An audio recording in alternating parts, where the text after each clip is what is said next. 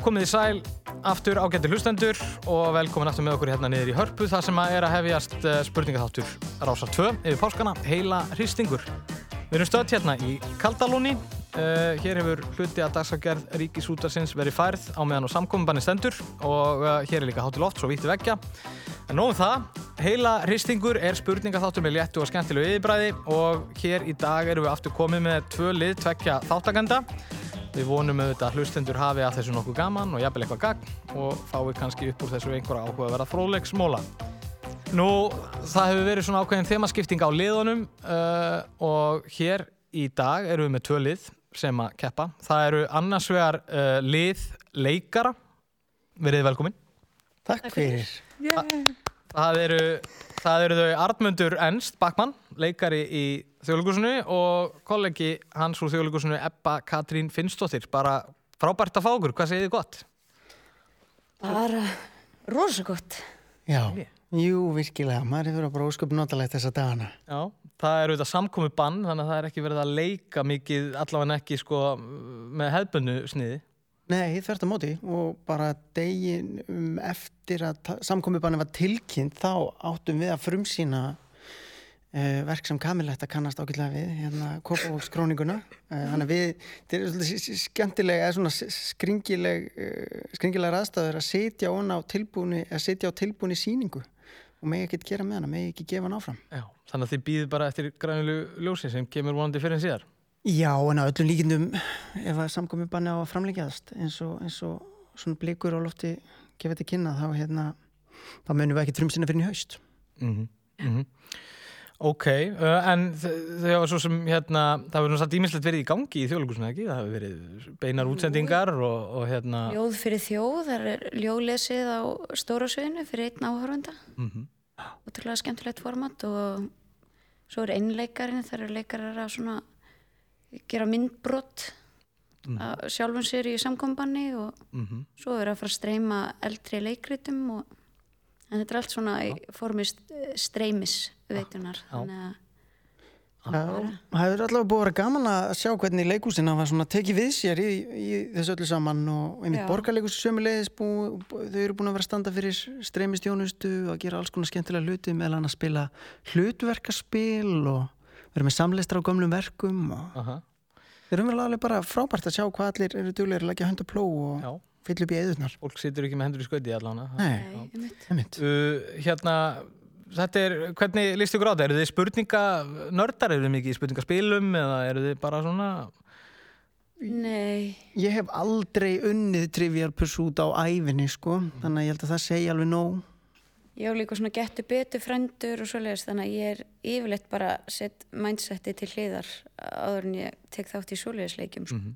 Mm -hmm. En hér fá þetta keppendur svolítið mikið að, hafa svona, já, hafa ára mörgu að velja og mörgu að ráða með hvað spurningar uh, þau fá, þannig að það, þetta geti orðið bara, þetta geti orðið góð, góð uppreist bara, eða ekki? Mm -hmm. Mögulega, við allavega horfum bert sín fram á veginn mm. og leggjum bara stoltið til hliðar, held ég, og ég góðið. Nú, svo erum við með uh, anstæðingarliðsleikara, það er komin hérna Kamila Einarstóttir, rítvöndur og bókavörur, verður velkominn. Takk. Og Hrafn Jónsson, kvikmyndagerðamaður og hvað tilla eru þið? Pislahundur á eftirlunum? Já, maður segja það. Búið spil í því, sko. Ok. uh, við vorum eitthvað að velta fyrir okkur hvað við ættum að tilla ykkar lið. Þið eru þetta, eins og ég segi, það, hérna, þið haldi pennanum svolítið á lofti og þið eru tístarar á Twitter og svona, þannig að það var einhver hugmynda að þið væri fulltrúar, uh, já, þið væri rödd almennings í þessari kemni. Eða svona, já, rödd hverulanda, getur við. Já. Já, við, við getum að sé hvernig það þróast bara. ok. Mm, en hvað hva segir þið með, með spurningakeppnir? Eru þið mikið, mikið í þeim? Nei. Mér er skaman að vera svona makkar í svona spurningkeppnum. Mér er fínt að koma inn sem eitthvað svona sérfræðingu, sko. Vita, vita svolítið eitthvað um bíómyndir og eitthvað þannig. Kamila, þetta verður svolítið á þér. Já, þetta verður eiginlega. Sko, pappi minn er ógeðslega góður í þessu. Ef hann er upp í sófa og búin með svona kipa bjór og har og getur betur, þá er hann ógeðslega góður. Ég voni ég að verða eitthvað í þessu. Ok, við, við sjáum hvernig það miðlast. En uh, já, við hérna, það er svo sem ekkert að vambúna ef við ekki bara fara að hefja leikin. Jú, það held ég. Það, sagt, við byrjum með því að, að uh, bæði liðin fá uh, svo kallar laga þrennu og, hérna, og við byrjum alltaf um þrjú atriði í þessum laga þrennum og það eru þrjú stíð í bóði ef að uh, öll atriðin eru rétt og við ætlum að byrja á liði leikara guð. Það er sé þannig í þetta skiptið að uh, við ætlum að heyra uh, brot úr upphafs uh, lögum þryggja erlendra sjónvarsþátta. Þetta eru þrýr erlendir sjónvarsþættir og við heyrum brot og ég vil bara fá að vita hvaða þættir þetta eru. Já, ég er góði.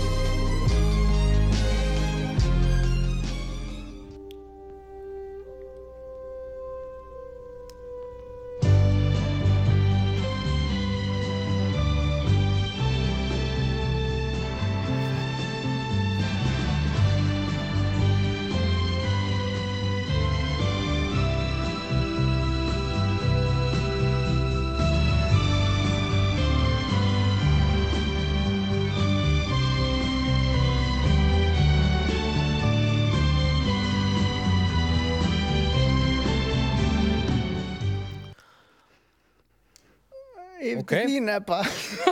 Þetta voru með þrjá erlenda sjónvarsþætti uh, og þau þeir koma svona mismunandi tímabilum uh, fyrst voru við með svona það sem við kvöldum sitcom Kveitið það einhverjum bjöllum? Sko, fyrsta sem ég hugsaði var Freyser, en svo man ég alveg hvernig Freyser-lagi var. Það var, það var allt öðruvísi. Veist þú það eða? Veist þú hvað fyrsta lagi var? Nei, ég fekk svona matarþáttur eða einmitt eitthvað svona, þetta var eitthvað svona, Það er eitthvað svona easy going bandaríski þættir eða eitthvað. Þeir eru þættir sem, þættir sem voru síndir á skjá einum hérna uh, það er undar og svolítið síðan Þetta er ekki að koma er ég ekki er, ég er ekki með fyrsta sko.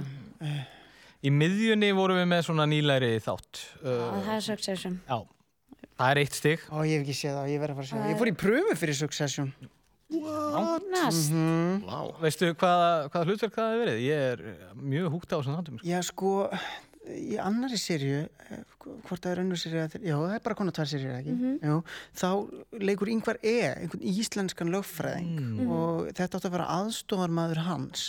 En þeir voru ekki tilbúinir að borga hérna, breytingakostna á flugi hjá mér, þannig að ég afþáði, afþáði þetta litla hlutverk og fór frekar til Berlínar. Já, Þeir haldi utan um veskið í Netflix svo. Nei, ég held að hann hann hafa nú aðalega verið bara íslensku framleiðundinni sem voru nýskir. Ok, ok En uh, En við erum með þetta á Succession og síðasta það er nú svona gömul klassík Já, ymmit, þú veist, ég veit ekki, ég er svo lítill sjómasklápari, þú ert ótrúleitt með yfirast. Ég, ég skrifa hjá mig West Wing, þú veist, eitthvað svona uh, 90s, allavega sápa, sko. Er þú með einhverja betri hugmyndi en það? eða?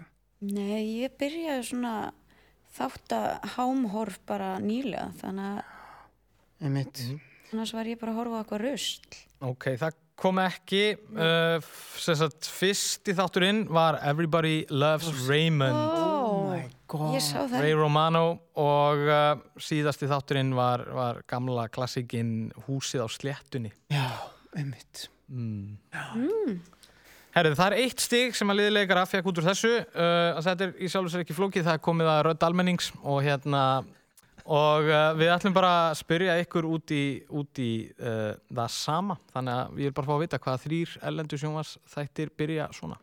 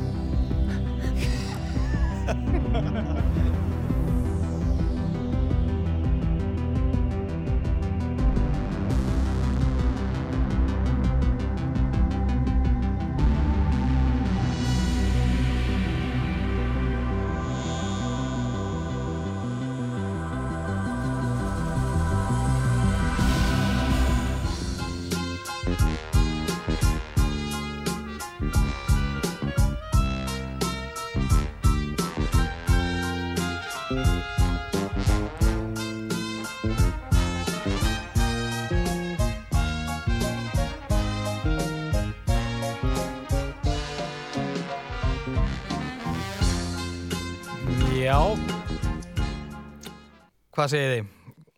Við vorum, eh, þetta var svona svipuðum slóðum Við byrjuðum á svona sitcom og svo færuðum við okkur yfir í eitthvað nýra og svo fórum við aftur tilbaka í tíman Kamilega, ég sá að þú skrifaði alveg mjög mikið hjá þér hann í fyrsta. Já, það var bara minnisbundu hvað ég var að kaupa eftir eitthvað. En Ég er nefnilega veit, sko, þetta hljómaði þessu eitthvað sem ég ætti að vita hvað það er, sko. En sko, var ekki fyrsta var Modern Family. Það er hárétt, eitt stig vel gert. Númer tvö ég aldrei á æfi minni. Já, mér var starflega að vera, sko. Ég held að við verðum að fá, sko, svo kallan ég vil maður sletta softball þar, sko. Það var, ég held ekki alveg staðfest að það hefur verið Stranger Things. Það er hárétt Það eru tvö stig Svonum þrjú, sko. Það var eitthvað sem á að vita. sem ég sko, þetta er eitthvað svona uh, late 80s Já, ég var að mynda að matla. Ég skrifaði matlock hjá mér Já, sko. að negla, eða? já. Matlock, lokasvar Já, já, þetta er að sjálfsögðu uh, Andy Griffith sem Matlock Þannig að það er fullt hús hjá Rödd Almennings. Vel gert. og ég er ánægð með að Kamila ætlar að nota ferðina og, og vesla í leiðinni. það er fínt þegar maður er á ferðinni svona uh, Heyriði uh, ah, ég er allar að gýra þér upp núna sko.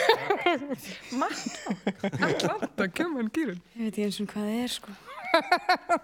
Herri, þá ætlum við að hefja sem sagt, víksl spurningarnar og hérna getur verið beðið um eitt að fleiri atriði. Liðin skiptast á að svara og það eru tvö stig í bóði. Uh, ef að liðið hins vegar svarar ekki rétt þá færi svaraturinn yfir og anstæðingur getur stólið einu stigi. Þannig að nú er kjörið að nota þessa kvíslmæka sem við erum með hérna. Já, að vera það, þið megið byrja eitthvað að, að skrafa ef að þið teljið ykkur vita, vita ef, ef að svaraturinn gæti komið til ykkar. En mm, uh, þemað í þessu, þessari fyrri víkslspurningu er uh, hvaða ár gerðist allt þetta? Yes. Og það eru lið leikara sem að uh, byrja. Hvaða ár gerist allt þetta? CNN hóf útsendingar, Argentínumenn og brettar berjast í Falklandseyjastríðinu, Diet Coke og fyrsti geisladiskurinn komu á markað, Kolumbíumadurinn Gabriel García Marquez hlaut bókmentavelju Nobels og Kate Middleton, eiginkona Viljáms bretaprins, fættist. Ummitt. Þið segið það. Uh, væri ráð núna til dæmis að fara í kvíslmækin. Nei, þið meði bara endilega bara diskutera Já, við getum svo sem alveg rætt það. Eina svona klúið mitt er sko að, e, þú veist, þetta er náttúrulega, þa- þarna er ég í kringum 0 ára, örgulega. Uh, kannski ekki orðin hugmynd, en mögulega svona tildröga slísunu sem ég var síðan, uh, einhvern veginn svona, voru blikur á lofti í þeim efnum. Þetta er nú fyrir þína tíð. Já, sko, út af því ég, ég fekk mixtape frá pappa mínu þegar ég var yngri.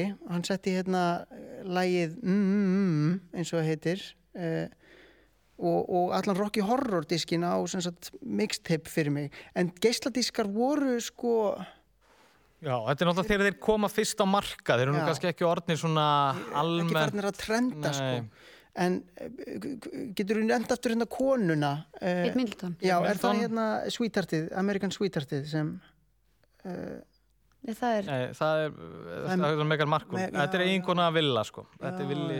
Villi Bretaprins. Já, hún er svona, hvað á maður að giska, ætlum hún sé ekki svona 40, og- 40 og eitthvað.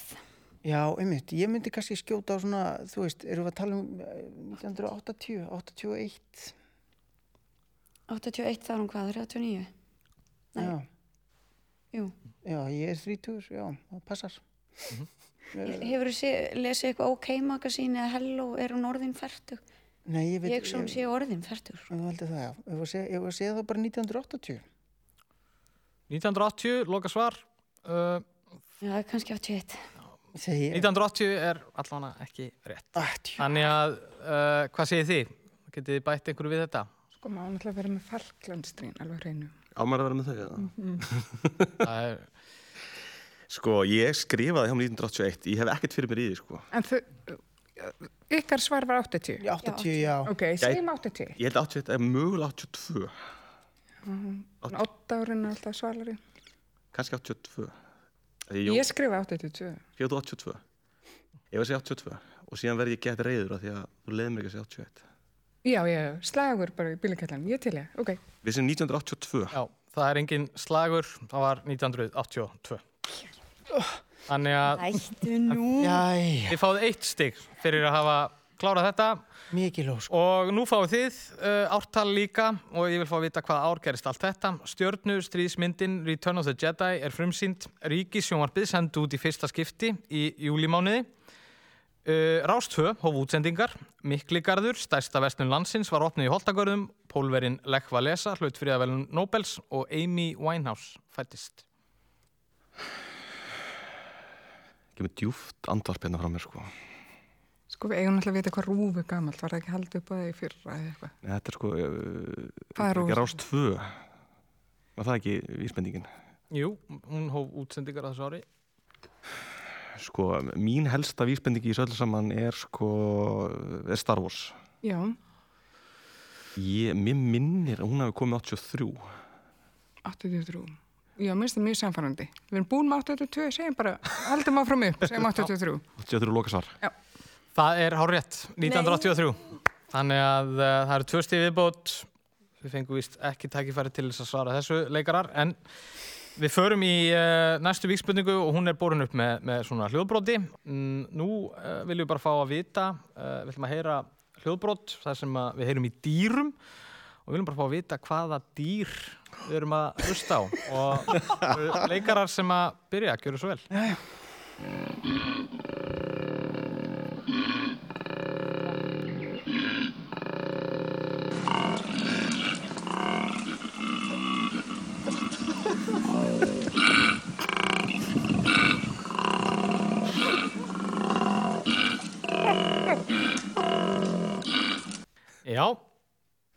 Var þetta eitt dýr allan Ég- tíman? Já, þetta Já. var, ég veit, ég er endur ekki við sem þetta hafi verið sama dýrið, þetta gæti hafi verið einhvers konar, Samtal. já, og, og kl- klift saman jafnvel, mörg dýr af sömu tegund. Uh, ég skal alveg gefa ykkur það að, að uh, þetta er ekki dýr sem að, að uh, býr í okkar heims hluta. Nei, nei. Sko, ég, ég held að þetta sé eitthvað svona, þetta er eitthvað svona bjardir, eða eitthvað svona, þú veist, þetta getur verið sko, eitthvað svona sem líkist sko, ódri eða eitthvað svona, ah, hvað minn góður. Ótra björndýrið. Ódrabjardir, ef að skjóta það. Uh, ert þú með einhverja hugmynd eða? Nei, mér fannst, ég fekk svona svínavæp sko, en samt eitthvað mildara sko. Ég pikkaði það aðeins upp líka, en, hérna, en þetta er ekki svín, ég get gefa ykkur það. Svona Ég líka, natural sound, sko, þetta er svona Ég- ég... inn og útöndun, sko. Ég get kannski gefa ykkur þá vísbendingu að þessi dýr voru svolítið í fréttum í upphafi árs og það af svona kannski miður góðum ást. Þetta er kólabitnin. Já, Já, já, ég, þetta er, þetta er, ég held að þetta sé kólabitnin, sko. Það er það sem, það sem, hef, það hefði verið mitt geið, sko. Það hefði ekki þurft að segja þetta, ég vonar. Nei, ég held, ég held það, ég- það er mitt svona hint, ég, sem sagt, ég segi svo hugar að þetta geti verið kólabjörn. Það er bara hár rétt. Ok. Það eru tvö stík. All right. Kóala Ég björnin. hef búin að skrifa hjá mér sko mökunar hljóð gaup. Það er eitthvað svona, ég held að það væri eitthvað svona twist í þessu. Herðu, við höldum áfram og það er, uh, dý, það er dýrið ykkar og hérna, gjöru svo vel.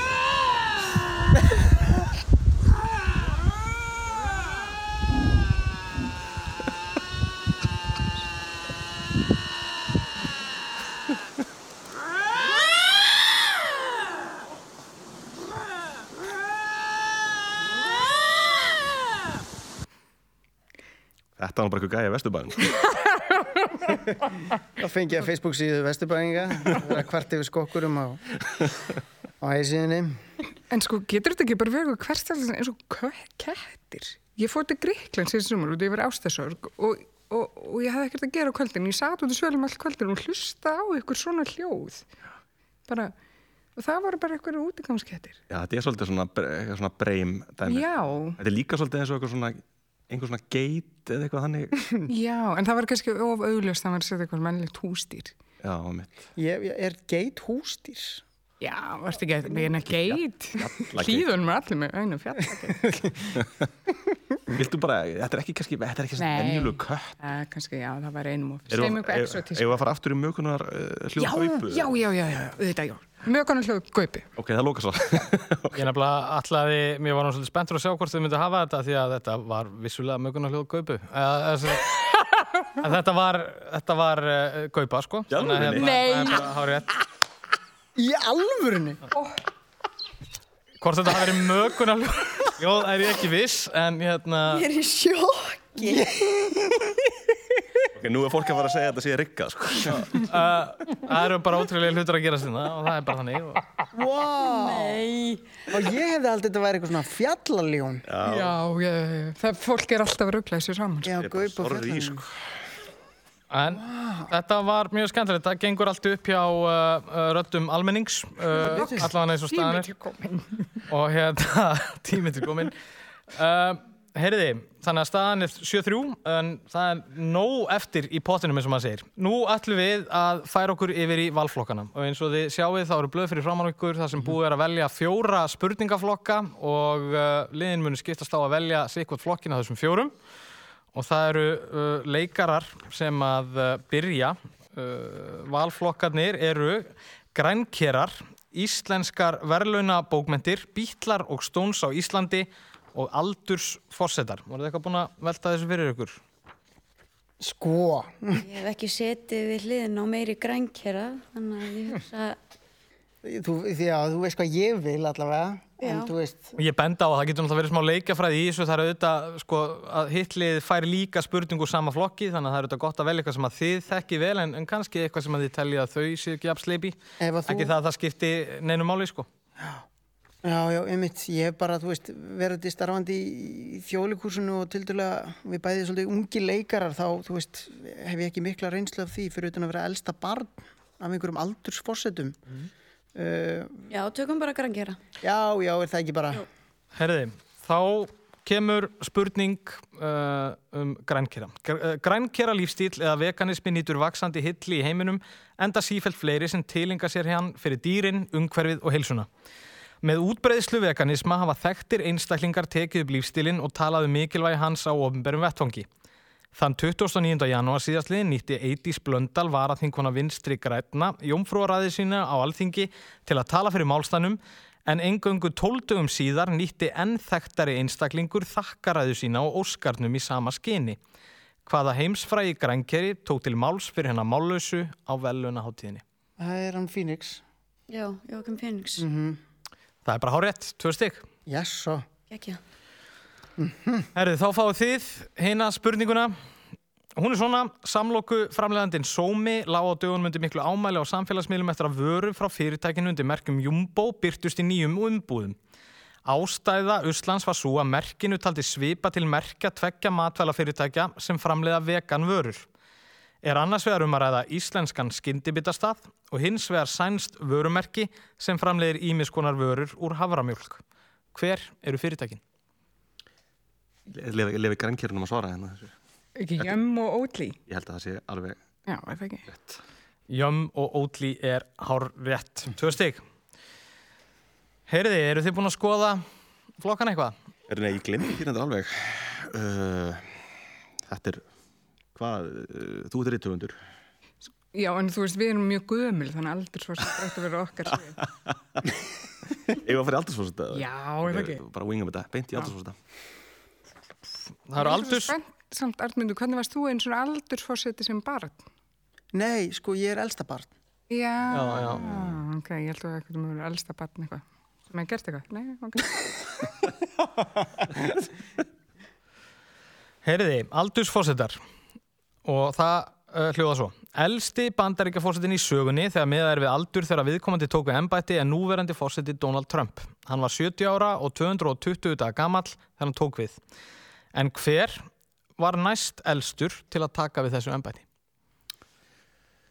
Til að taka við því. Þetta er, Og mér langar að segja reik, reikan út að hann var svo fyndin og skemmtlegur og Já. lék með apa og svona. já, hann var búinn að vera, hann var líka, þú veist, farin að kalka frekar mikið áður en hann hætti, sko. En það er nú kannski ekkert að marka það. Nei, svona alltaf George Bush eldri sem er samt, er hann ekki ennþá lifandi samt? Þannig að það er kannski, hann var kannski ekkert eldri þá, hann var bara venjulegur þá. Hann er alltaf meir, já. Hvað langaði bara eitthvað að segja, En svo getur verið eitthvað getur algjört. bara verið eitthvað að vera Harry Truman eða eitthvað. Já, oh, nei, nei, það er svo langt síðan væri. Eða hvað? Já, síðan alltaf var, uh, fólk lifið miklu skemur. Bara, En bús eldri hljómas heldur svona. Það er því hann er, er eldri, sko. En Já, það getur röglega nafnið. hann er aðra bara eldri en börni sín, sko. Uh, heldur að, hvað, Ef að segja, nei, Nei, Reykján, hann var svo fallegur, hann getur ekki verið. Að utan, sko. Segjum, segjum bara búseldur, eða ekki? jú, jú, segjum bara búsaldir. Já. Uh, það er ekki rétt. Hvað segja leikarar? Næst elsti bandaríkjafósitinn til að taka við embætti. Einmitt, mér finnst Reagan mjög gott gisk í leitunni til einmitt að maður hér bara sögur af því að að hann bara þjáðust af miklu minnisleysi og rugli í, í embætti og var var svona, já að þessi átti, átti ekki sjöta hann að sæla hann að fyrir rest En sko. þú veist, það getur bara verið eitthvað djammi eða eitthvað. Já, nei, sko það eru kenningar á loftum að það hefur bara verið út af svefleysi. Hann hafi státað sér mikið af því að þurfi ekki að sofa nema fjóra tíma á, á, hérna, á notu og nú er bara komið ljós með allum þessum rannsóknum á, á remsvefni að, að það er bara lífsnöðsynlegt og Hatsur var líka alltaf að stærsa þau tvö sko. Ég held að Reykján sé bara mjög gott gísk. Það er líka bara hár rétt. Yes, Það koma tvö stig hérna á liðleikara og nú fáið þið hina spurninguna og hún hljóða svo. Spyrjum á móti, John F. Kennedy var næst yngstur til að taka við uh, liklavöldum í kvításunu en hann var 43 ára. En hvaða áhuga maður um dýraríki sem hlaut friðavelun Nobels var sá yngsti til þess að taka við embætti bandarækjafórsta eða 42 ára þegar hann tók við? Uh, áhugum dýraríki. Vá. Kennedy. Ég hef ekki hugmynd sko. Kennedy var næst yngstur, Hann var, hann var, einn- eistingstur já fyrir ekki. einn yngri sem var áhuga maður um dýraríki, ætlaði að segja einhver nýlegur. friðavelun Nobels. Fíða vilju Nobels, nei, ég raunverulega hef ekki, vá, ég svo ítlaði mér í, í, í sögu bandar ekki fórseta. Fyrir utan þetta, ég eh, vissi þetta með Reykján út af, út af reymsefnunum sem ég var að lesa um um daginn, hún og eina. En uh, ég, Churchill eða Clinton eða... ég held að Clinton, Bill Clinton hafi ekki fengið fríða nei. vilju Nobels. Uh, Það Churchill, er ekki að koma. nei, Nei, Hvað segið þið? Ert þú með eitthvað? eða? Nei, ég meina hver við hefur unni friðavelin? Obama. Obama var friðavölun. Já. Obama var ungur, sko. Já. En ég þekki ekki að hann hefur verið eitthvað, eitthvað áhuga með um Nei. dýraríki, sko. Áttu hann hund, hann bó, en... Það ekki allir átt hund. Og þú veist, það hlýtur eitthvað af þessum eldri fórsetum að hafa verið, en þá var kannski ekki gefin friðavelin. Það var vantilega friðavölun hefur alltaf verið einhver sem hefur verið á stríðstímum með það ekki, sem hefur En var eitthvað bandarsku fórseti í því? Nei, ekki nema að sé bara hver var aftur hver var aftur og eftir uh, Nixon? Hver var eftir Nixon? Nei, hvernig var þetta? Roosevelt. Ég veit ekki nóg mikið um þetta sko Það var svo að fyndi að segja Nixon, að við höldum hann að vera fyrir þessu, en hann vann pott. Hann náttúrulega vann ekki friðarverðlaun Nóbels, sko. Ég held að ef við bara segja bara hvað, vitum við eitthvað betur en Obama. Nei, við segjum Obama. Það er ekki rétt. Þetta var uh, Teddy Roosevelt Í alveg? varar muldara Já. Roosevelt hérna í Alveg? sem að Teddy ber Hvað ár fekk hann friðavelin Nobels? uh, ég er endur ekki með það hérna, ekki, en, uh, en, en hann var náttúrulega með sko, The Teddy Bears og hérna var mikið ekki alveg dýr. dýravinur já, einmitt. Já, jú, það var ekki svona bjaddýravinur Ó, ok, ég ætla að menn bara bánsa. en þó að þið hafið muldrað Teddy Roosevelt þá líka eftir að þið tókum möguna kallt kaupana þá hérna held ég að það sé nú bara Veistu það sem við höfum ofmetnast núna við sem að missa úr höndunum á okkur Herði, Nei, við erum bara að reyna að jafna þetta. já. en, uh, en það er sett komið að- að setni valflokkunum og, og nú er það sett þið sem að meði velja fyrst uh, Hrafn og, og Kamila og uh, það eru uh, já það er sjónvastátturinn 70 mínútur það eru borgir á Norðurlöndum kvenleiðtógar og tölvuleikir Ok. Þú varst æsi spenntuð borgum á Norrlöndunum þetta? Já, já, reyndar. Það taka þær? Ég veit þetta mjög lítið um borgum. Ég líka, Já, við skulum, ekkur viltu taka þær þá? Æ, bara skemmtilegt. Það er Við of það er hinn. flokkur, sko. Já. Sko, Nei, veit- heyrðu, nú er hann að reyna að fokka. Já, hann vill fá borgirnar á Já. Norrlöndunum, ég sé það í augunum á honum, sko. Tökum um eitthvað sem þau myndi alls ekki vilja fá. Þessu 70 myndir, þau voru ekki Já, fædd. tölvuleikir, hversu mikið er þetta tölvuleikir? Ég hef spilað Mortal Kombat. Ok, kannski er spurningin um Mortal Kombat. Já, ok. En ég myndi örgulega ekki geta svara nema að spurningin væri hvað heitir leikurinn. En ég til ég. Ef þú hefur spilað tölvuleik, Ég, ég spila mjög lítið af tölvuleikim, sko. En ég, Candy Crush? Já, ég veit, ég veit að Candy Crush er til. Mhm. Það er leikur sem ég veit. Ok, það er, ok, þá ertu Við erum strax búin að svara tveim spurningum hérna, sko. Við erum að reyta þetta allt niður hérna. Þetta er mjög hjálplegt allt saman, endilega haldið á. Ég ætla að lifa þér að sko, ég, sko, ég, er svo sem, ég, þetta skiptir ekki öllu máli, sko. Nei, ekki heldur. Segist þú til? En erum við alveg búin út til okkur 70 mínútur? Alls ekki. Ég, tek, ég var að taka 70 mínútur. Já, er það ekki. Ok, tökum 70 mínútur. Ég, ég, ég, Ég veit ekki neitt um 70 ok, mínútur. þá tökum við borgarinn Norrlund. Ok, borgarinn Norrlöndum. Ok, þarna góða. Heyriði, borgir á Norrlundum. Við höfum laugavegin. Aðal Vestlunagatan í Kaupmannhöfn heitir Strikið. Í Stokkólmi er Drottningagata. En hvað heitir sambarileg gata í Oslo? Akkur leist okkur vel í þetta? Hvað fucking heitir hann? Það var eitthvað svona ógeðslega boring og svona svona skandinavist. Eða bara eitthvað svona gatan. Já, ó, það var. Góð. Góðan. Alltaf spurningamerki í öllum. Jú, það er svona Götuheitum. gulur lítil. Nei, mann, ekki, ég hef ekki hugmynd. Þú er ekki hugmyndið það. Getur þú giskað á eitthvað? Mér finnst þannig gatan hljóma svolítið vel. Það er sko. alltaf hæðilegt, sko. Já, Aðal gatan. Aðalgatan, já. en er það þá ekki eitthvað svona eftir eitthvað, eitthvað svona Gustafsgatan? Við, Haraldarstræti eitthvað. Já, Haraldarstræti. Haraldarstræti. nei, þetta er reyndar ekki Nei, Haraldarstræti. gamlestan, er það ekki? Nei, það er ekki eins og í Oslo. Nei, það er ekki Haraldarstræti, það er ekki gamla staðan. Hvað segja leikarar? Eru þið með þetta? Að þið verið í Oslo mikið? Nei. Nei, Íslendingar og ferðalagi endis myndu bara kalla þetta laugavegin. Uh, Þetta er eitthvað svona, eitthvað nafn eða krónprinsgatan eða þú veist eitthvað svona. Einmitt, eða svona Gustafsgatan. Já, eitthvað svona. Eða eitthvað svona, þú veist, svona eh, Bryggjugatan. Eða eitthvað svona, þú veist, uh, Það væri við umulegt. já, það er alveg glata. Um, já, ég var að segja bara eitthvað svona Gustafsgata. Já, eitthvað svona fósita. Eitthvað. Já, kongs, kon, eða kannski, kannski kó, kongsvegur, eða eitthvað svo Já. Eða svona, Kong, Kongsgeiða. eða það er dans. Nei, þetta var danska. Kongsgata. Kongsgata. Ungsgata. Mm. nei, uh, það passa ekki þetta er Karl Jóhanns gata. Kalli hans, aaa. Alltaf var maður. Við vorum að réttu. Karl Jóhanns gata. Núna og svona. Uh, en það eru leikarar sem að fá næstu spurningu. Hver er fjölmennasta borg Norrlanda sem ekki er höfuborg? Við eigum við fjölda manna í viðkomandi borg en ekki endilega í borgarsvæði hennar allrar. Þannig að hver er fjölmennasta borg Norrlandana sem ekki er höfuborg innan borgarmarka? Norðurlandan. Norðurlandana, já. Uh, Sko, ge ge- geti að verið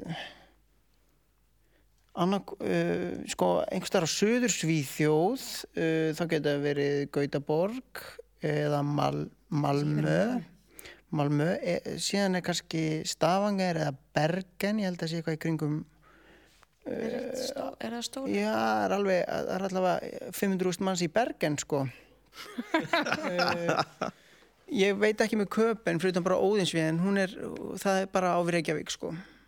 Uh, jafnvel aðeins, aðeins fleiri, ég held að sé 300 manns í Óðinsvíð. Erum við hægt, 300 manns. erum við hægt að bera fram borginna með Uh, nei, Skandinavísku? fyrir ekki Óðinsvíð, uh, Óðinsvíð og uh, Stavanger. Um, uh, ég myndi segja annarkvort Gautaborg eða Malmö. Ég var að segja Malmö, þeir eru með aðeinslega flott, þú veist, Eurovision var haldið í Malmö. Já, það er allavega kemur stert. Já, við skulum bara segja Malmö. Já. Það er ekki rétt. Hvað segja Camilla og, og Rapp? Ég var að hetsa þetta að segja Gautaborg. Já, ég held það. Já, það er nefnilega rétt. Það er Gautaborg. Ég sá það á viðbrjónum hans. Jóta, já, hann gaf þetta, þetta, nei, gaf til kynna að svari var komið. Já, já þið minnið það. Passa þetta, bara. Þá er allt orðið vittlust en það var náttúrulega hugmyndin. Uh, ég, ég reynir kannski að vera leiðandi næst við, við þau. Það væri alveg frábært, það væri alveg mjög þakklátt. Um, heyriði, þá er spurningi hvað þið viljið vel ykkur. Uh, það er eftir 70 Já. mínútur, uh, hvern leiðtúar og tölvuleikir. Uh, uh, mín atkvæði deilast á milli 70 mínútur og tölvuleikir. Ég var náttúrulega, Af því þú hattar kvannleiti á. uh, af því að ég er náttúrulega Karl Remba, ég er svona síðastur minna kynnslóðar, uh, berjast fyrir patriarkinu. Uh, nei, ég er náttúrulega bara, þú veist, átta eða tíu ára þegar 70 mínútur eru í gangi og það var held ég mesta áhorfið af, af minni kynnslóð kom, að kom frá þessum hópi mínum samverðamönnum alltaf til að horfa á þetta. já, og geðstrikkina og allt þetta Já. en síðan er ég náttúrulega rosalegur tölvunörd sko. Ég er það alls ekki, þannig að eh, treystir þú þér í 70 mínútur eða, eða treystir þú þér í tölvuleiki vegna þess að það getur líka alveg sko, mi- mitt gisk er að spurningin snúa sjónvarsefni sem framleitt er út frá töluleikjum Ó, og sjá hvort það gisk hjá mig sér rétt eða? Já, ok, þá veljum við töluleiki Tölvuleikir, ok. Já. Það er bara skemmtilegt. Árið 1993 kom út tölvuleikur á Macintosh tölvur sem seldur var á geisladiski, einna fyrstur leiki á því formi. Leikurinn var óhemju vinsæll með mest seldu tölvuleikjum sögunar. Hann var þó nokkuð umdeildur og sumum fannst leikurinn leiðilegur. Leikmaður lendur á dula fyrir eigið þar sem lítið virist vera í gangi við fyrstu. Í blaðinu eintaki byrtist eftirfarandi lýsing á leiknum. Ímyndaði þér þetta. Þú ert einn, statur á eigu og stendur á lítilli bryggju. Við hliðin á bryggjunni er skip sem marar í hálfu kafi og það er eins og þú hafi vaknað upp á draumi. Sólinn skín í gegnum undarlegt mistur og í fjaska heyrðu þú fugla syngja. Fyrir fram að þig eru tröppur sem liggja upp að steinhúsi sem lítur út eins og grafhísi. Þú gengur upp tröppurnar og að húsinu. Á því er ramgerð hurð sem opnast og þú gengur inn í sex hint herbergi. Beint á mótið er fallegu skápur með gömlum bókum. Þú tekur upp eina bókina og flettir í gegnum hana. Þetta er dagbók tímaferralangs sem hefur eitt stórum hluta æfisinnar á þessari eigu en þú veist ekki hvers vegna. Leindadómur sögunar blasa við þér en þú veist ekki hvað á að byrja. Þú veist ekki hvað á að gera. Hvaða tölvuleik var svona líst? 1993 Og ég er átt uh, þetta er á Macintosh tölvu. já, geti þetta að vera Monkey Island Það er svona hljóm með að hann talar um eigu, eigu, eigu, þá er það gott gisk. um, ef ekki bara skjóta það ég held að ég sé ekki að fara þetta er eiginlega fyrir mín, minn tíma sko Mm. en, en Monkey Island væri mitt gisk svona í fljótu bræði Já, giskaði það. Það er ekki rétt. oh my god Ég nefnilega er, hef spilað þennan ógeðslega leðilega töluleik. Nei,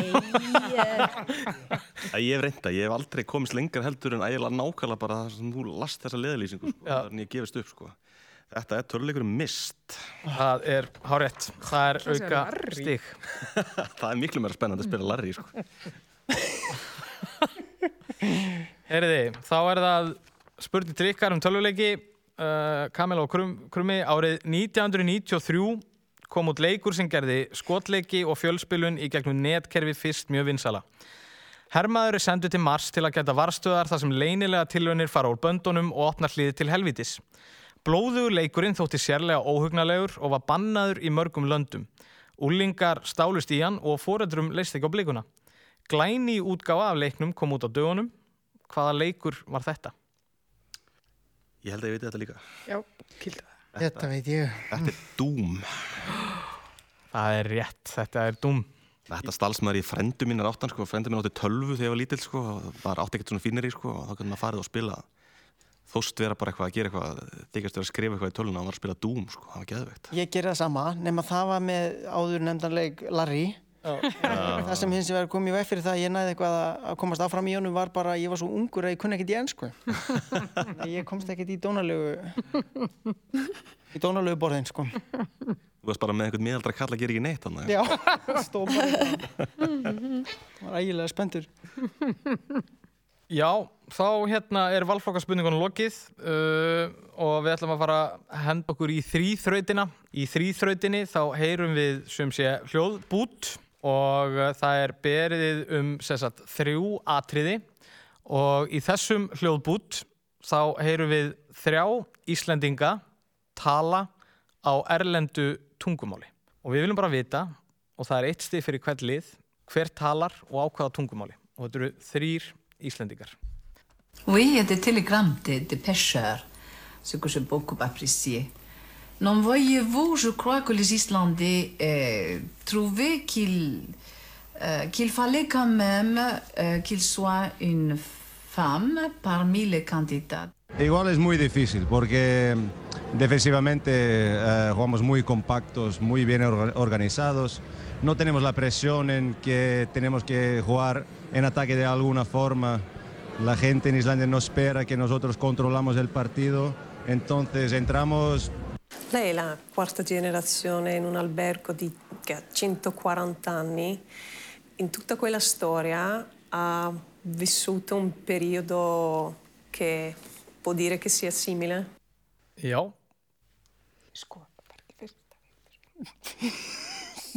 Er með þetta? mamma byrðum að fá að heyra þetta aftur Viljið þið heyra þetta aftur? Ég myndi fá að þykja það, já. Oui, il y a des télégrammes des, des pêcheurs, ce que j'ai beaucoup apprécié. Non, voyez-vous, je crois que les Islandais euh, trouvaient qu'il euh, qu'il fallait quand même euh, qu'il soit une femme parmi les candidats. Igual es muy difícil porque defensivamente eh, jugamos muy compactos, muy bien orga- organizados. No tenemos la presión en que tenemos que jugar en ataque de alguna forma. La gente en Islandia no espera que nosotros controlamos el partido. Entonces entramos Lei è la quarta generazione in un albergo di, che ha 140 anni. In tutta quella storia ha vissuto un periodo che può dire che sia simile. Viljið nota, viljið nota uh, kvísl Já, hátalarna aðeins? gerum það aðeins. Meðan að þið festi niður svörin ykkar? Eru,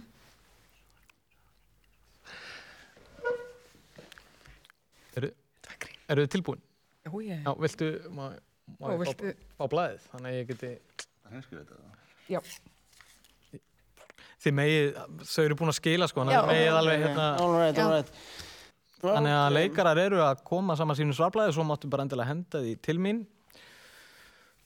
Og við ætlum að fara yfir þetta, hérna vorum við að spurja um hvaða Íslendinga voru að tala hérna á ellendum tungumálum, á hvaða tungumáli. Uh, og uh, leikarar segja Vigdís Fimboðadóttir á frönsku, það er horrétt, eitt stygg. Uh, spænska er rétt, en þetta var ekki Hermar Heiðarsson, þetta var Eiður Smári. Eiginlega Vantalega frá árum hans þegar hann spilaði með Barcelona. Uh, og Kristbjörg Kjeld á ítölsku, þetta var ítalska en þetta var Þóra Arnórsdóttir. Uh, þess má geta að uh, rattir almennings voru með þetta allt upp á tíu. Það var Vigdís á frönsku, Eiður á spænsku og Þóra Arnórs á ítölsku. Þannig að það eru þrjú stig fyrir, uh, fyrir Hvaða rattir almennings.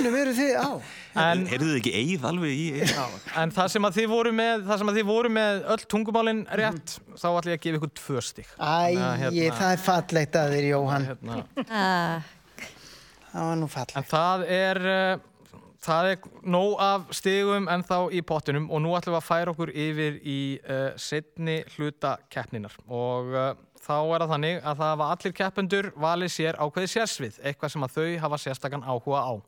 Og við berum upp fimm spurningar á hvern keppanda og fyrstu tvær eiga að telja svona nokkuð léttar og gefa eitt stig, þá koma tvær miðlungstungar og gefa tvö stig og í lokin er það þingsta spurningin sem gefur þrjú stig. Nú, svarættur gengur ekki yfir, en liðsfélagi má hjálpa til ef að keppanda rekur í vörðunar. Og það eru sett átján stíð í pottinum á hvert lið, þannig að það er nóg eftir. Uh, en staðan er 22-14 fyrir rattir almennings. Það komið sér 14 stig sem við erum með. Ég, ég er svona. Nei, nei, herru, já, ég er náttúrulega er að lesa þetta allt vittlust, sko. Hún er, uh, fyrir- staðan er sko 19-9. 9. 19-9. Takk fyrir að leiður. Uh, ég var, já, uh, já, 24, 14, 99, þetta var sett einu striki hérna óveikið. Uh, heyriði, uh, ég fekk ykkur öll til að velja sérsvið og við ætlum að setja rótera á millilegana og það er sett Artmundur sem að ætlar að byrja ef þú segir okkur aðeins frá þínu sérsviði. Það var svolítið skemmtilegt. Já, sko, þegar þú hafðir sambandið við mig, þá var ég að klára að umpotta. Ég er mikið að taka sko græðlinga heima og umpotta og ég eh, legg mikið upp úr því að, blanda mína einn gróðurmold, ég nota sko perlíti og vikur og svona til að svona annars blöndna mína vel. Uh, sko þessi áhugi og sjá mér þegar ég ræktaði kannabisefni hér árum áður uh, og eftir að ég hreinsaði mig upp og hætti öllu, allir slíkri villisu og, og hóf, hóf edrugöngu þá svona færðist þessi áhugi yfir á pottaplöntur og núna er ég með heima uh, eitthvað í kringum 60 plöntur og sömulegis nokkuð bonsætri og ég var að mynda að umpotta tíðu bonsætri uh, þannig að, þannig að þú spurði mig hver er þitt sérsvið og ég svona hugsa með mér fjandakotni, þetta lítur bara að vera það Já. ef eitthvað.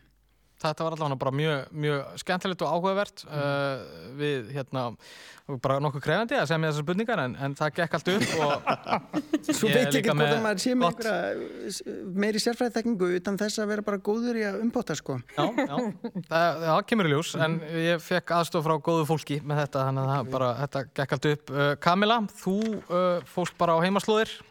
Já, sem ég er reyndar aldrei búið á. En þá var ég nýbúin að frétta þessi 5.000 skrona ávísunan til að ferðast um landið, þannig að þá hugsa ég náttúrulega bara um Hamraborg. Þar ætla ég að eigða minni. Þannig að mitt var einmitt svona óskik. Mér langar að vita meira um þetta. Ég hlakka til að fara í sumar og þvælast þann um Hamraborgina. Kannski fá mér Mjög gott. veipu eitthvað. Þetta ekki? Kiki ljós. Þetta er sjoppar ennþá opinn eða? Já, já, já, fullt og tvær veipsöpur Ég skilst að Eða, þetta, ég- kannski fáið spurningu sjoppuna. Já, ok. Og uh, svo er það Ebba. Já. Uh, þú fóst í sjónvarsþætti. Já, íslenska sjónvaserjur. Já. Ég svona, var einmitt að ræða við það áðan, ég svona, er ekkert eitthvað held ég með, með eitthvað svona eitt sérsvið, en ég hef gaman að íslensku sjónvarsefni. Þannig að ég hef aldrei með það sérsvið. Síðustu tíu ára. Já, 2010 til 2020. Varstu svona að reyna að svindla og reyna kannski mögulega að kemur bara spurning um þig kannski? Já, því ég hef leikið í svo. Að- ja, Það reyndar var alveg hérna, áhugavert að að við þurftum stundum að, að henda út spurningum af því að uh, annarkvort uh, Artmundur eða, eða Ebba höfðu eitthvað komið nálagt sko uh, sjónvarsþáttunum sem átt að fara að spyrja um sko þannig að Já. já, já, já, þetta, var, þetta var snúið sko Þetta Allt eitthvað sem við hefum ekki við í. Já, ég, að, þú veist, nú er ég náttúrulega leiðrættu með það eftir smá stund og hérna, en, en það verður þá bara að vera þannig. Uh, uh, þú ert ekki á ósviðum slóðum eða samt svona, Já, ég, Já. ég eldi bara hjartað. Ég, atna, uh, ég myndi ekki segja kannski að þetta sé, áður en ég sæði þetta upp átt, myndi ég hef ekki giskað á þetta að vera einhvern svona sérfræði liður á mér, sko. En ég valdi uh, kvikmyndaferil og filmografíu Arnur Svarsnegar sem mínt sérstakka sérsvið í lífunni. Ég veit ekki hvað það segir um mig og hvar, hvert svona mín mentun og hugnaðar efni hafa farið, sko. okay. en bara svona þú ert mikill Arnóldsmaður. Ég menn upp, uppalinn eins og, eins og kannski flestir, eh, kannski ungi menn sérstaklega en líka konur að minni kynslu, sko. Já, já.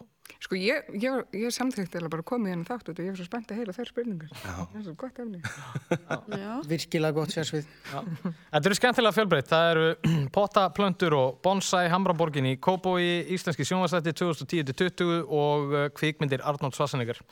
Þannig að ég ekki bara hefja standa og það er ein spurning í einu og við byrjum á þér, Arnmundur, pottaplöntur og bonsai. Eitt stig, fyrsta spurning. Hvaðan er upprunni orðsins bonsai? Uh, frá Japan. Það er rétt. Jæja. Á. Á maður Eh, ekki klappa eitthvað. Kamila uh, hér við ætlum að, að hérna, uh, það kemur hérna smá uh, hljóðbrott með þessari fyrstu spurningu uh, hvaða veitingastæður er til húsa í Hamraborg uh, 11 uh, þar er gerðnan þrumuð stuð við heyrum brott Þrjumur þrjumistuð hér í kvöld, hér í kvöld Þetta er náttúrulega besti staður í Íslandi hér inn á sem þú ert að fara að spyrja um. Já, já, já, já, nei, já, já, ég ætlaði bara að botna hann sagði hér inn á Og og slagur staðarins er að þetta sé best gemda leyndamál Kópavóks sem segir mjög mikið um restin af leyndamálum í þessum bæ. og þetta er náttúrulega Katalínu. Það er hárétt hérna, Það er stuð, stuð, þrjumur þrjumistuð hér inn á Katalínu í kvöld þetta er frábært lag líka ég mælu með því, Er þrumustuð svona kjötsúpa á Katalínu? eða?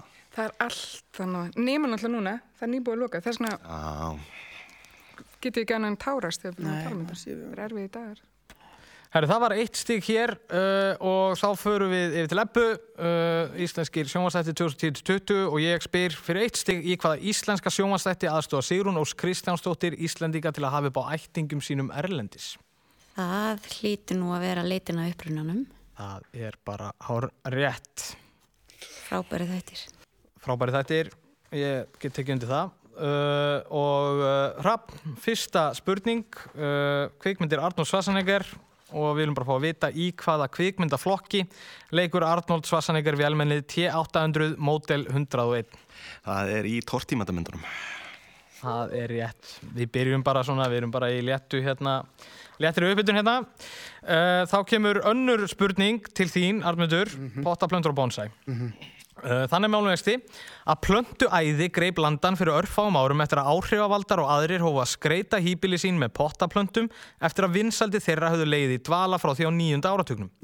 Facebook-hópur tilengaður slíkum plöntum öðlaðist feiki vinsaldir í kjölfarið en meðlimir hans telja nú 23.726 manns. Stopnandi hópsins er garðirkjufræðingur sem segja má að sé í guðatölu hjá meðlumum hópsins en hann er ötull við að svara spurningum og virðist hafa ráð undir rifi hverju. Hvað nefnist hópurinn blómlegi og hvert er nafn stjórnanda hans? Vá, ég hef ekki grænan grun um þetta. Ég bara, ég hef alltaf bara leitað í erlendar heimildir. Ok, þú hefur að sækja þekkinguna eitthvað annað en, Já, en ég hef verið að gera það. Ég, hérna, og bara pröfa mig áfram og lært af mistökunum. Já. Nei, ég vil bara segja pass, Já, mér finnst þetta reynda mjög svona framsækið og fest að því að ég hafði samband við mannesku sem var mikið inn í potablöndum til að aðstofa með við að semja þessar spurningar og hún sagði að þessi hópur væri nokkuð svona biblía sko, hérna, fyrir fólk sem er í, er í þessum bransa Ég að þetta landinu. það fyrsta sem ég gerir þegar ég kem heim er að fara á Facebook. Ég reyndar í Facebook dvala líka. Þannig að... Ebba, þú ert ekkert með þetta? Jú, ég held að ég sé í þessum hóp, sko. Já, er það? Já, þá getur hún hann ekki eitthvað stofu og potaplöndur? Já, já Hann, hann heitir hindar svolítið ég er ekki vissum að, að þegar að hópurinn var stopnaður og þá hafi, hafi verið svona, verið, verið að svona hugsa um, um mikið branding sko, hann verið bara að vera hérna, hann er mjög bara svona lýsandi einhvern veginn fyrir það sem að, að er verið að ræða þarna sko. Ætlaði þessi ekki bara potablöndur og garðiskja eða eitthvað? Veit ekki. Já, það getur verið þá, kannski er það einhver annar hópur. En heit, heitir hann nokkuð Hafsteinn eða eitthvað þessi maður? Hann heitir vissulega Hafsteinn Eða það? Hafsteinn Hafleðarsson, garðirkjufræðingur Já. uh, Hópurinn heitir Stofublóm, Inniblóm, Pottablóm Já. uh, ég, að það, ég ætla bara að láta þetta slæta hjá leikurum ég Nú, já, ætla já. að gefa ykkur trösti fyrir þetta Þú að, mig fyrir já, þannig að það er gott að eiga góða liðsfélaga uh, Ég held fyrst að þetta væri grín hópur. Ég byrja bara að sjá vini mín og voru eitthvað djóna einu hóp og ég held, ha, ha, ha, glæta hann einhver af áhuga og inniplöntum. Takk. Svo er bara fólk sem er alveg lost í lífinu, Mikil bara hella í sko. þetta. Já. Um potta. Já, umpota þetta er uh, gefandi þetta er gefandi umplota umpota erfiðum tímum. ég trú því vel uh, þá förum við yfir til Kamilu það er önnu spurning fyrir eitt stig um Hamraborgina í Kópavogi og nú vil ég bara vita við hvaða íslenska myndhöggvara er listasatt Kópavogs sem staðsettir í Hamraborg 4 Kent Hún heitir Gerður Helgadóttir. það, Gerðarsöfn. já, það er hárétt Gerðasafn, Gerður Helgadóttir það er eitt stig þar uh, og uh, þá færum við okkur aftur yfir í sjónvarsþættina Ebba, í hvaða sjónvarsþætti hafa álitsgjafar undanfærin ár farið yfir framlög Evrópuþjóðana í Eurovision? Í hvaða sjónvarsþætti á RÚF hafa álitsgjafar undanfærin ár farið yfir framlög Evrópuþjóðana í Eurovision? Þetta er ekki bara Tól stíg. tól stíu, er það ekki það? Uh, Þetta er hann að þátturinn með þeim meðlum. Jú, hann, ég, mér langar að gíska tól stíg. ég held það. Það er mitt. Undan kemnin. Var, var það spurningin, hvað hann heitir? Mm. En við erum ekki með rétt svar. Nei, með að við hvernig hann bregst Með, við. með þessi þetta svipur, ég held óska að þessar hlustendur geti síðan svip á jóla. Það væri auðvitað mjög, ég, þú veist, ef ég hefði skipt þáttinn þá hefði ég sennilega skipt hann 12 stig en, en hann heitir ekki 12 stig. Nei, nei, þá bara... Hmm. Hmm. Þetta er alltaf hann inn á rúfspilaranum. Eitthvað, söngvakeppnin, söngvakeppnin sjómasins, eitthvað... Með mitt. Nei, ég bara gerum ekki grein fyrir því, hvað Nei, myndi það? bara þá, fyrst þetta er ekki tólsti, þá bara söngvakeppnin. Já, nei, þetta kom ekki, Nei, nei. uh, þetta er... fyr- Nei, það farið snabbt ekki yfir hérna, uh, þetta er alla leið, alla leið. Alla leið? Já. Krummi, það er önnur spurning um kvikmyndir Arnold Schwarzenegger fyrir eitt stig. Arnold Schwarzenegger sló auðvitað uppala í gegn sem afbrunamaður og vakstarækta kappi. Var handhafi herra olimpíutitilsins sjö sinnum. Hann stál senunni í köld heimildamind frá árinu 1976 sem gerði atunumönnum í vakstarækt skil. Hvað heiti myndin? Herri, þetta er hinn stórkostlega heimildaminn sem við vistum leikin á köplum sem komst í aðeim daginn sem heitir Pumping Iron. Það er, hárétt, já, er hún leikin á köflum? Það er vist sko, það er vist einhverju fullt af köplum í henni sem voru sviðsettir sko, sem að dreg, dregur aðeins úr henni sko. Geggjum mynd. Henni er bara geggjuð sko. Ég dætti í svona session á Netflix. Já. Bara að fylgjast með eitthvað svona vakstæðrættaköllum og eitthvað. Þetta var líka gullöldin sko, það sem þeir voru bara Engin lifjapróf. engin leifur, ég heldur enda þessu ábygglega ekki lingu en sko, einu sinni. Nei, nei, ég held að það sé alveg, þetta er eins og í Strongman-kefninni, þeir bara þvertaka fyrir öll lifjabrú. Við rennum ekkert að fylgjast með einhverjum average Joes að að lifta játnum, við viljum bara sjá skrýmslinn, sko. Nákvæmlega. Herriði, þá ætlum við að leggja þess meir undir. Nú eru tvö stig fyrir rétt svar. Uh, það er þriðja spurning um uh, potta, plöntur og bonsai. Uh, Artmundur, mold, áburður, sólarljós og vökvamagn er meðal þeirra fjölmörgu þáttar sem huga þarf að við ræktun stæðilegra stofublóma og skipta skólanir í þeim efnum tugum. Við ræktun blóma notast margir við ákveð efni í þeim tilgangi að vel lofti um plönturnar. Efni þetta hefur viðtækt notagildi en það hefur aðalega verið notað í byggingariðinaði, til eldvarna og jafnvel í kattasand. Hvert er þið fjölþætta efni? Ég var að segja vikur. Við segjum bara vikur að sjálfsögðu en það er það líka rétt. Þannig að uh, Hvernig veit ykkur svona? Kamila, þessi óbeina gaggrin er að gera út af mig mig hérna. Hvernig er þetta hata? Ég, þetta var aðeitón. Efnaverkfræðingur. Alltaf með vikur í vasunum. Já, einmind. Ég ætla að segja að þetta verður hérna að tala við blómin eitthvað. Nei. Smá síni að vikri. Að gera, ég rétti þetta bara milli. Þá förum við aftur í Hamraborgina, Kamila. Uh, þriða spurning fyrir tvö stig. Þann 1. apríl árið 2002 snýru þeir Gunnar Birgisson, þáverandi bæjastjóri og Flósi Eiríksson, oddviti minnihlutans í Kópói bökum saman í sérstökum máli. Og við heyrum smá brott. Þetta náttúrulega er alveg með ólíkinu sem er að gerast. Er full pólitísk samstæð um þetta já, í bæjarfélaginu? Já, í þessu máli stöndum við alveg þétt hlið við hlið eins og þú sér.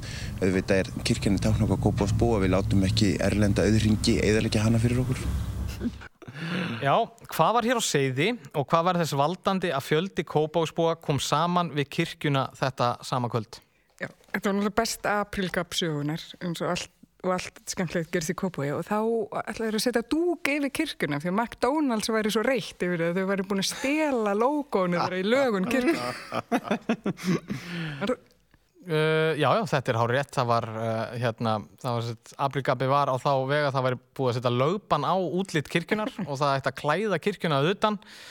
En uh, fórsæsmenn McDonalds og Íslandi, þeir hérna, tóku sér bara létta því að þeir séu að þetta kemi að utan og tengdist þeim ekki neitt. Þannig að þeir ætluði að gefa hambúrgara fyrir utan kirkjuna bara til að sína Ah, var það Svona það sem ég held að anda. við bara sjá kirkuna í, í dúk, sko. það Þetta er var verið náttúrulega sko- mig. Þetta er svo fyndi sko, þeir báði voruð svona sannfærandi Já. þessu, þessu. Og síðan er svo fyndi alltaf að heyra Gunnar Birgisson tala það er alltaf eins og sé búið að hann sé einhver svona, einhver svona maður í viðtali sem hann vill ekki láta nafnsi sketið. Þetta er sko, þetta er ótrúlegt, það er eitthvað svona holrými innan sko kjálkan sem sumir eru með sko, meðal annars Stefán Kall heitinn, hann gæti imiterað sko Gunnar alveg kostulega og, og maður gæti alveg leið sko hláturskasti uh, klukkutímum saman þegar hann fór að imitera, imitera Gunnar okkar sko. Þetta er alveg magna. En þetta allavega kom og, uh, og við höldum bara áfram að það er Ebba næst. Þriðja spurning fyrir tvö stig. Uh, hvað hétt spurningaþáttur Steinda Junior sem síndur var á árinu 2016? Ég held ég sem þetta. Uh, þetta er gett og betur. Gett og betur. Ég held það, já. Já, ég held ég hef ekki, ég hef nú séð marg þætti og flesta stendur, ég held ég hef ekki séð þessu þætti. En ég treyst þér í þessu. Já, ég, ég held að Gett svarið sé og gett og betur. Betur. Það er bara hár rétt. Það var gett og betur. Það sem að var engt saman uh, uh, já, þáttakandum úr hinum að þessum hverfum borgarinnar. og hérna, Voru það bara gettó eða? Það var náttúrulega geggja dómartemi þessum þáttum sko. já, byrju, hvernig var það? Það var Kalli Bjarni og Hlín Einarsdóttir. Alveg rétt.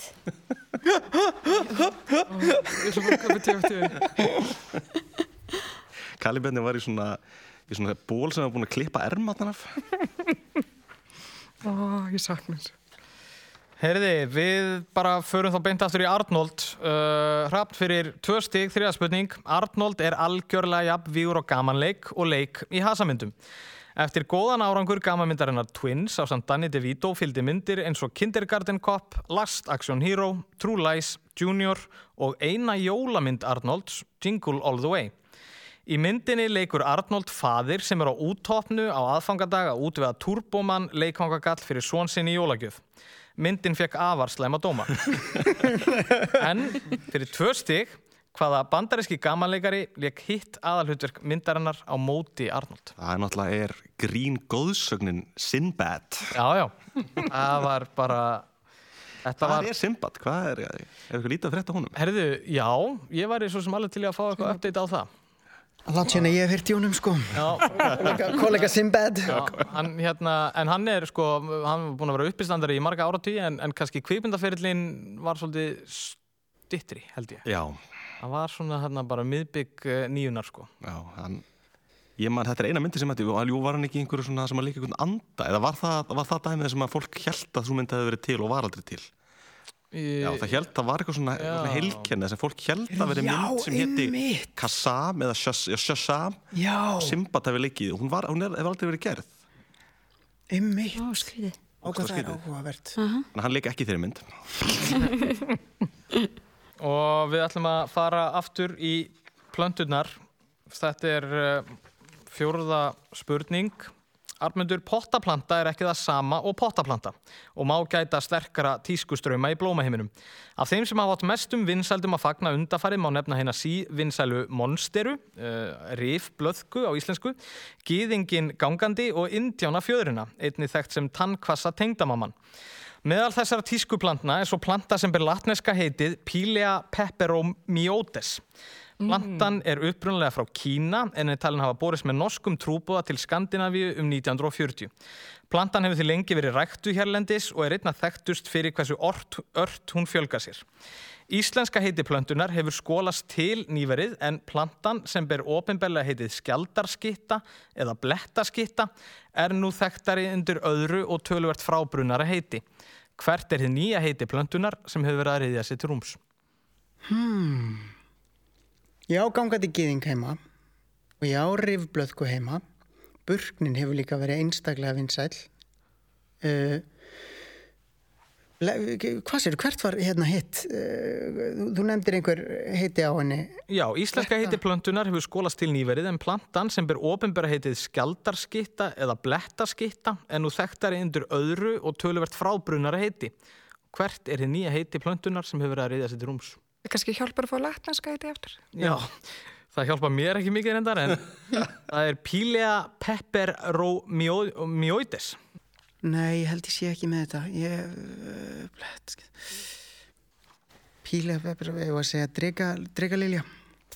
Þetta er eitthvað með einhvern svona blettum á. greinilega. Já, en, já, einmitt. Já, já. Ég, já. ég er með blóm í huga en ég man ekki hvað heitir. En ég ætla, ég skýt bara á drega lilja. Þetta er peningablóm. Æ, Peningablóm. já, einmitt. Þar fór það. Vissir þetta? Já, peningablóm. Já, líka pening. Ég, ég var einmitt að taka aflegjara peningablómi heima. Já, einmitt. Svo eru allir að afhjúpa sig hérna í bótablöndunum. Ebba kemur sterk inn í þessu, Hrafn var að leggja fyrir þessu. Þetta er áhugavert. Uh, þá förum við aftur í Hamraborgina. Kamila, hvaða stjórnmálaflokkur er til húsa við Hamraborg 10? Sko, ég veit að flokkur fólksins er með skrifstof í Hamaraborginni. Ég ætla bara að segja það, flokkur fólksins. Það er hár rétt. Nei. Þú ert náttúrulega með allt of djúpa vitneski um Hafnarborg. Gaman að þessu. Við förum aftur í íslensku sjónvarsættina og ég vil fá að vita fyrir tvö stig hvaða leikona leik Láru í sjónvarsþáttunum Pressan sem síndi voru á stöð 2 árunum 2008 til 2012. Það er Lára, já, er ekki aðal. Það er hún Sara Dögg. Já. Áskistóttir. Það er hár rétt. Tvö Yes. stig. Vel gert. Og við förum í Arnold Hrafn. Fjóra spurning fyrir tvö stig. Uh, Hvað sést Arnold Reykja í hlutverki sínu sem Dutch liðþjálfi í byrjun myndarinnar Predator? Hvað sést hann reykja? Ég, ef, ef ég þekki minn mann rétt þá er hann potið að reykja bara stóran vindil sko. Já, það er alltaf hár rétt. það var Já, þetta var eiginlega svona kannski upphafið að svona vindla tímabili Arnolds. Já. Þegar hann var svona einhvers konar posterbói fyrir sko vindlareikingar í Hollywood. Já, sem endaði náttúrulega, hans ferill í vindlarleggingum endaði náttúrulega í mjög stóri hjartaðakir, sko. Já, að vísu. Það kom aðeins einna, aðeins eftir Predator. Það var bara út af vindlareikingum. Spurningum og við eitthvað annað við spilaðar inn í. Nei, ég held að það hafi verið 100% tenging við vindlarleggingana, sko. Herði, uh, við förum í fymtu og síðustu spurninguna núna og uh, við förum í pottaplöntunar, Arnmundur, þetta er fyrir þrjú stig. Erfitt getur reynst fyrir plöntuorma að halda út í veglegri stofuræktun hér á landi sögum mikill að sveifla í byrtustíi landsins og hafa ófáar plönturnar fallið í valinn fyrir hennu óurlega skamdegi. Nokkrar tegundir hafa þó náð fótfestu sem stundum hafa verið nefndar skamdegis plöntur. Enginni slíkra plantna er að þroska aðeins blóm skíni ljósáðar í stittri tíma en 12 stundir á sólarhing. Ein slík planta sem er geysi vinsæl hér á landi er eins þverstaðu kent og það kann að hljóma upprunnin frá söðuhlita hinnar sólugum Mexiko þar sem hún vex utan dyrra sem runni. Plantan er af mjólkur jurtaætt og er, í, og er sumum afar í hana þar sem að mjólkur kvítur safiðanar hefur verið talin eitraður. Þrátt verið mynda eitrunar eiginleika hefur plantan notið ástíðabundina vinsalda í marga áratugi og er talið að um 100.000 plöntur seljast hér á ári hverju. Hver er plantan? Hvað heitur hún aftur? November, Hvernig lítur hún út? hún er svona, eh, svona, eh, þetta svona rauð blóm sem myndast efst og fellur hún laufin uh, bara fljótlega eftir áramót. Það heitir bara no November Rose eða eitthvað svo leis eða alltaf búndarós líka mjög, nei, það, hún blómstar bara á sumrin. Ah, Þetta er ekki November Rose. Ó, guð, nú man ég ekki hvað þetta heitir. Ég uh, ætla ekki að hérna, eða miklum tími í þetta. Ég held að þetta, ég væri bara að skjóta á, á, á November Rose. Er það ekki, Við, með. Hvað er það? nei, er það ekki november kaktus? Já, en við erum, við erum nefnilega í vittlausum mánuði því að við höfum viljað fara í desember, þetta er jólastjarnar. Jóla Það vex það sem runni. Einmitt. Umlega Ég held runni. að það væri November. Eh, árans. Árans. Það fór það. Já, já, allt er það, góð. herði, við förum í Hamraborgina fyrir þrjú stig, síðasta spurning. Byggð myndaðist ekki fyrir alvöru í Kóbói fyrir en í kringum setni heimstyröldina. Fram eftir öldum var þar lítið að finna annað en bóndabæi. Um 1880 lísti danski fræðimæðurinn jörðinni í Kóbói þannig. Bærin er á leiðum og ömurlegum stað. Umhverfis hann eru lágrít hæðardrög eða dökkleitar þýfðar mýrar. Í síðari heimstyröld reistu brettar herskálabyggð á svæðinu þar sem að Hamraborgin er núna. Brettar völdu nokkuð óhugnalegt nafn fyrir braggakvarfið. Þekktasta skýringin á nafngiftinni er að á staðnum hafi beinagrindur fundist, hugsanlega á gröfum þeirra sem líflátnir voru á öldum áður á þingum í Kópói. Hvað hétt braggakvarfið í Hamraborginni? Er þetta þrjústi? Er þetta ekki Skeleton Hill? Jú, jú, þetta er Skeleton Hill. Oh my god. Þú veist allt um Kópavog. Ég er að fara að fá mér svona húðflúr á Black Cross. Áttastöðun í Hamraborg Þetta, það er nú að opna kaffehús undir þessu heiti hérna í Hamraborginni. eða hvað? Já, það er kósi Það var kannski nokkuð Skeleton lík Hill fyrir Café. utan Einmitt. Herðu, ég held að að Kamila sé búin að negla allar spurningarnar um Hamraborgina. Þannig að það, það var, var einhver logi með það að, að þetta væri sérstætt ákvæmál. Nú ætlum við að heyra uh, smá brot Ebba. Þetta er sérstætt fyrir þrjú stig uh, síðasta spurningin um íslenska sjónvarsæti 2010 til 20. Pabbi minn, hugsa um Það er óholt að drekka, það er algjörn rugl Hætt að drekka pabbi minn því ég elska þig. Og ég er pappastrákurinn þinn. En þú ert algjör alkoholist Ég vona hættur vímunni fyrir mig Pabbi minn, hætt að drekka og vertu með mér. Ekki drekka áfengi, það er vond fyrir litla drengið þinn. Ekki vera fyllibita, það mun bara lítið stytta. Já, ég hef ekki hugmynd um að vera að rappa Þetta er sérstætt atriði úr sjónvarsþáttaröð Mm. og ég vil bara vita úr hvaða sjónvarsþáttaröð kemur þetta og hver var að rappa þarna tíu ára gamall. Vá, maður. Uh, Uh, um tíu ára aldurinn, skulum við segja. Tíu ára aldurinn. Já. Þetta er veist, þetta er annarkvort steindin okkar úr þannig sem þáttaröð eða þetta er með Ísland eða eitthvað. Nei, þetta er sko, þ- þ- sko, ég held nefnilega að þetta það hefur verið fúlasta alvara þarna á baki sko Er þetta ekki bara stundin okkar eða eitthvað? Já, mitt Já, hérna, en kannski, eins og þið kannski heyrið á læginu, þá má segja að þættirnir hafi verið svona, svona tragikómiskir. Einmitt. Tragikómiskir? Hlem, er þetta nokkuð hlemmavídeó? Hlemmavídeó? Það er rétt. Já. Þetta er þegar krakkanir koma inn, heyrðu, þá er þetta hlemmavídeó og er þetta nokkuð króli? Það er hár rétt, þrjú stygg. Yes! Gert! Senan þegar þið koma það, já. Vá, vel gert. Gert. Það er minnst að þegar ég bara vinna núna.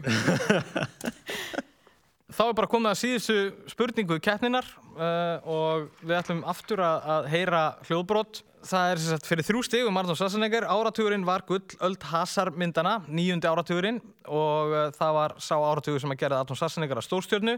Í byrjun einnar myndarinnar á þessum tíma eldir Arnold einn óvinna sinna upp í farþöðaþótu, tittir sér við hliðans, snýr hann snöggla úr hálslið, breyðir yfir og ræðir svo hverstagslega við flugfreyju í fluginu og við heyrum brot. Thank you. And do me a favor. Don't disturb my friend. He's dead tired.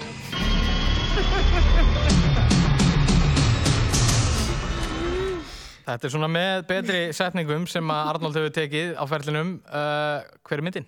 Ég, það ok, ég, það er náttúrulega voru tvær, þrjá ára sem tíma sem voru með svo mikið af svona gullmúlum í sko. En ég held að þetta sé úr kommando.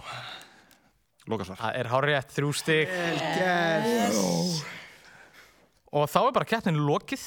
Leikar fóru þannig að það voru uh, rattir almenning sem að fóru með Sigur á Hólmi með 33 stygg. Leikarar hlutu 23 stygg. Þannig að... Uh, Já, já. Já, já. Það var við þess að búast. Við mentum okkur í að vera sæt, skilur við. Hegnist, hegnist bara fyrir það. Ah. Þið eru ógæslega góðið því. Já, já, gengur ágætlega. Það er bara erfitt í samkomi banni. Já, og það er líka vestan hlustendur sjá okkur ekki, þannig að... Er. Það er mjög gott fyrir okkur. En það var ótrúlega gaman að fá okkur því að fá að sjálfsögðu páskaegg með ykkur heim og ég segi bara gleðilega páska, takk kærlega fyrir komuna og takk fyrir okkur í dag. Takk.